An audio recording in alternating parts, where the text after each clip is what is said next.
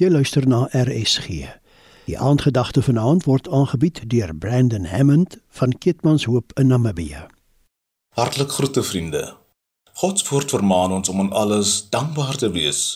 En dankbaarheid is die waarderende erkenning teenoor ons weldoeners vir hul weldade, maar in besonder teenoor God wat sy son oor alle mense laat skyn.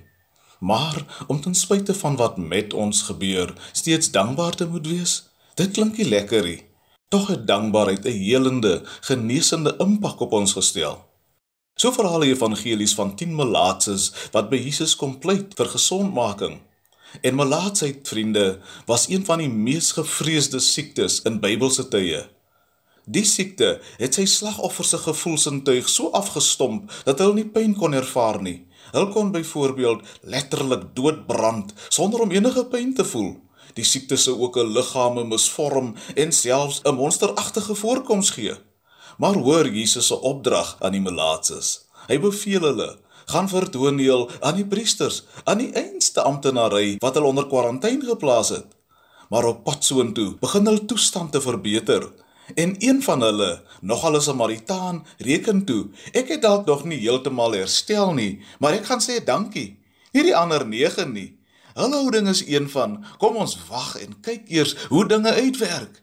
Maar die Samaritaan gaan val dankbaar voor Jesus neer, tevrede met die geringste verbetering wat hy bespeur. Dan sê die meester vir hom: "Jou geloof het jou gered. Ek maak jou heel." En op grond van Jesus se woorde vermoed ek, die ander 9 het dalk nie dieselfde graad van heelwording soos hy beleef nie. Nie by die Samaritaan nie. Hy is volkome herstel as gevolg van sy vooruitskouende en visionêre dankbaarheid.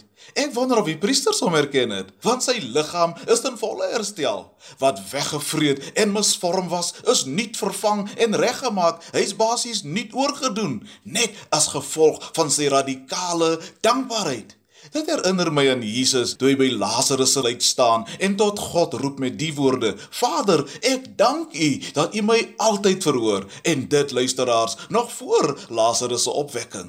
Luisteraars, nou is 'n goeie tyd om dankbaar te wees. Laat ons nie wag vir beter dae nie. God roep ons op tot radikale dankbaarheid, dankbaarheid nog voordat ons Lazarus opgewek is. Kom ons bid saam. Vader, maak ons nou reeds opreg dankbaar in alle omstandighede in Jesus naam. Amen. Dit was die aandgedagte hier op RSG, aangebied deur Brandon Hammond van Keetmanshoop, Namibië.